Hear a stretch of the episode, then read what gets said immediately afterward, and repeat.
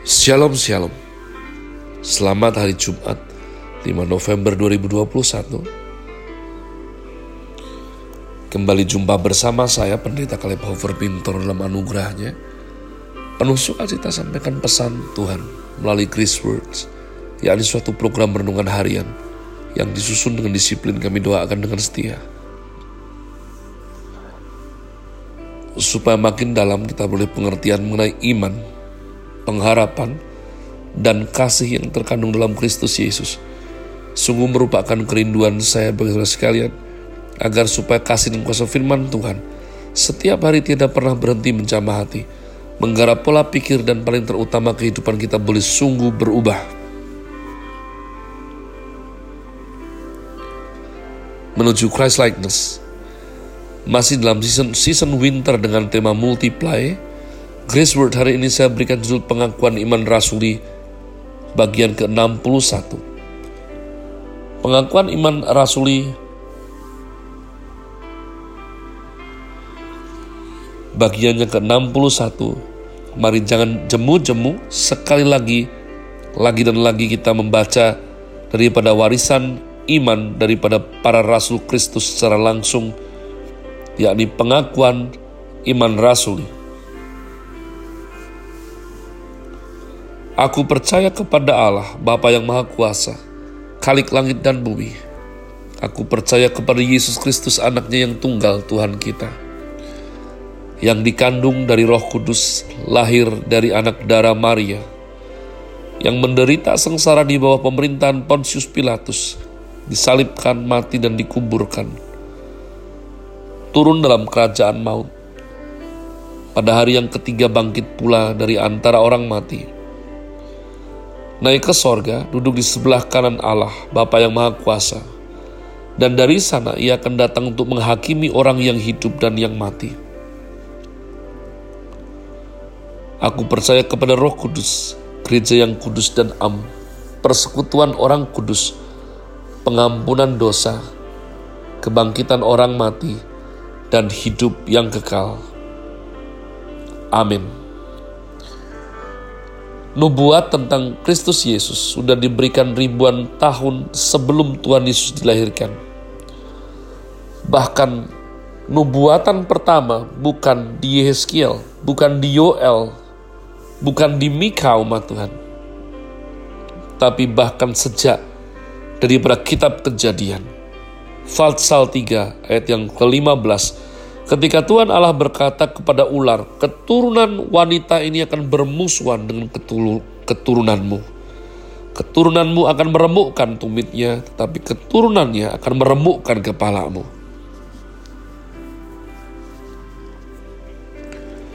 Inilah nubuat pertama tentang peperangan rohani yang akan terjadi dari awal hingga akhir. Keturunan si ular meremukkan tumit keturunan Adam, tetapi melalui keturunan wanita, akan meremukkan kepala ular. Alkitab dengan jelas berkata, semua keturunan pria dan tidak ada satupun wanita. Memang kita semua dilahirkan wanita, tetapi tidak pernah disebutkan sebagai keturunan wanita. Satu-satunya kali dilakukan, dikatakan keturunan wanita, ditujukan pada peristiwa inkarnasi. Wanita yakni anak darah Maria melahirkan anak karena satu-satunya hal, yakni berhubungan seksual dengan seorang pria. Satu-satunya seorang anak darah melahirkan anak bukan karena berhubungan seksual dengan hasrat seorang pria, adalah anak darah Maria. Sehingga anak darah Maria dinaungi oleh roh kudus umat Tuhan. Sehingga mengandung bayi Yesus. Ini sesuatu yang saya tahu tidak su tidak mudah untuk dipercayai. Hanya yang dikaruniakan untuk percaya baru bisa dipercaya. Pada saat Bapak Abraham diberikan nubuat istrimu tahun depan, pada hari ini akan melahirkan, maka ia langsung menerimanya. Karena Bapak Abraham adalah seorang beriman kepada Tuhan, sehingga karena imannya ia diterima dan dibenarkan. Abraham tidak pernah meragukan firman Tuhan. Tetapi pada saat malaikat berkata kepada Abraham, Sarah di belakang tirai tertawa. Ia anggap tertawanya lazim, ia anggap tertawanya lumrah, karena ia telah berusia 90 tahun sehingga tidak mungkin bisa melahirkan anak. Ia sudah berhenti haid, sudah tidak lagi datang bulan, sudah menopause, sudah puluhan tahun mandul. Mengapa ada malaikat goblok tidak pernah belajar bisa mengatakan bahwa dia akan melahirkan.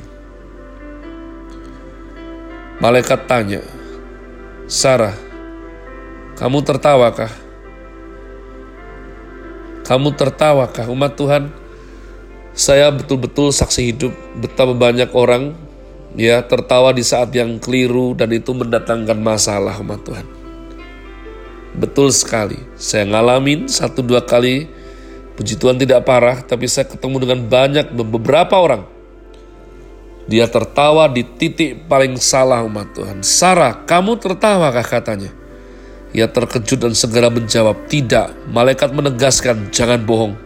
Kau sudah tertawa. Sekarang aku katakan engkau tidak percaya, tetapi itu tetap akan terjadi. Ketika kuasa Tuhan melaksanakan mujizat itu, itu tidak tergantung engkau percaya atau tidak. Tuhan melakukan hal ini sekali pada tubuh Elizabeth, istri Zakaria. Anak yang dilahirkan dinamakan Yohanes Pembaptis. Dari dalam rahim ibunya, ia telah menerima roh kudus. Kemudian Tuhan berkata kepada Maria setengah tahun sesudahnya, Hai, wanita yang berbahagia, engkau akan mengandung ia tahu hal ini tidak masuk akal, tidak logis, di luar paradigma manusia. Ia berkata, "Hatiku mengagungkan Tuhan, rohku bersuka cita karena juru selamatku." Bunda Maria langsung memuji Tuhan, rela menerima tugas yang begitu memalukan, begitu besar anugerah, tetapi juga begitu pedih, dibenci orang lain. Di sinilah terpukulnya teologi Katolik yang mengatakan bahwa Maria mengandung Yesus tanpa berdosa. Setelah Yesus lahir, ia tetap perawan. Alkitab berkata, setelah ia mengandung anak pertama, masih ada adik-adik Yesus yang berarti dilahirkan oleh Maria. Setelah Roh Kudus menaungi Maria dan Yesus dilahirkan, Maria bersetubuh dengan Yusuf, lalu melahirkan anak-anak lain. Namun Katolik ingin menjadikan Maria suci selamanya. Tidak pernah disentuh pria. Tidak umat Tuhan. Sejarah menyatakan hanya setelah Yesus Kristus Tuhan. Ya, maka Maria sudah tidak suci. Maria akan bersetubuh dengan Yusuf suaminya.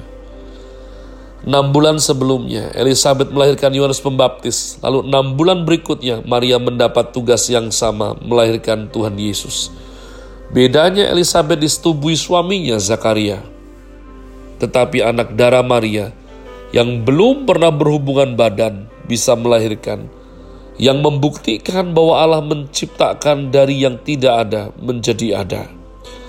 Sedangkan Elizabeth yang sudah tua, tetapi rahimnya bisa diisi karena berhubungan seks, berhubungan badan dengan suaminya, membuktikan bahwa Allah bisa membangkitkan yang sudah mati menjadi hidup kembali.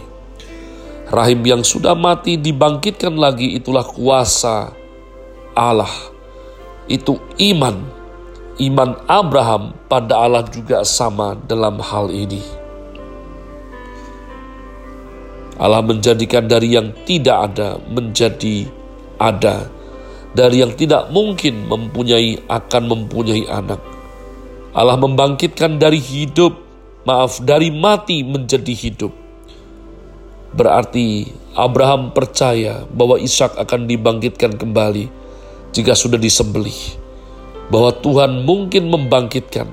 Kalimat ini terambil dari Ibrani Fatsal 11 Allah menciptakan menjadi ada dari yang tidak ada, membangkitkan yang sudah mati. Hal ini diulang-ulang oleh Tuhan khususnya dalam melahirkan Yohanes Pembaptis dan Tuhan Yesus. Maria yang baru berusia belasan tahun pergi mencari Elizabeth dari Nazaret ke Yerusalem. Itu membutuhkan perjalanan kaki dua hingga tiga hari. Ketika bertemu dengan Elizabeth terjadi peristiwa yang sangat ajaib. Bayi dalam kandungan Elizabeth meloncat. Ia berkata, Ketika ibu dari Tuhanku datang, janin dalam kandunganku meloncat. Karena Yohanes bersuka cita menyadari bahwa Yesus yang akan ia layani sekarang sedang mengunjunginya. Ini membuktikan Yohanes sejak di dalam rahim sudah dipenuhi roh kudus. Satu-satunya orang selain Tuhan Yesus yang dipenuhi roh kudus sejak dalam rahim ibunya hanyalah Yohanes Pembaptis. Ketika Elizabeth hamil tua dan Yesus masih kecil dalam rahim Maria. Ketika Maria bertemu Elizabeth dan bayi dalam rahim Elizabeth melompat. Dikatakan ibu dari Allahku datang. Theotokos, ibu dari Allah. Hal ini dicatat dalam Injil Lukas yang mengakibatkan orang Katolik berkata bahwa Maria ialah ibunya Allah. Seumur hidup, saya tidak terlalu suka memakai istilah ini dalam pengajaran ataupun khotbah saya. Karena istilah ini dapat menimbulkan salah pengertian yang sangat besar. Yang bisa dipikirkan bahwa Allah, ya, yakni Yesus, hanyalah anak dari seorang wanita manusia. Dan Allah Yesus di sorga sekarang masih mempunyai ibu seorang manusia yang bernama Maria. Ini jelas pemikiran yang tidak beres umat Tuhan, yang salah yang membuat iman Kristen menjadi kacau balau. Yang betul ialah istilah Maria sebagai ibu Allah hanya ketika Maria mengandung. Yesus dalam rahimnya sudah bersifat ilahi. Sehingga untuk sementara dalam kemurah hatian Bapa Sorgawi, Maria disebut sebagai ibunya Allah. Ini bukan berarti Allah memerlukan seorang ibu. Allah Tritunggal tidak memerlukan seorang ibu ini hanya membuktikan bahwa seorang wanita yang masih gadis mengandung dan melahirkan Yesus. Dan Yesus sudah bersifat ilahi sejak dalam rahim kandungan. Jadi umat Tuhan inilah sesuatu yang sangat penting sekali untuk kita pahami. Have a nice day. Tuhan Yesus memberkati saudara sekalian. Sola. Grazie.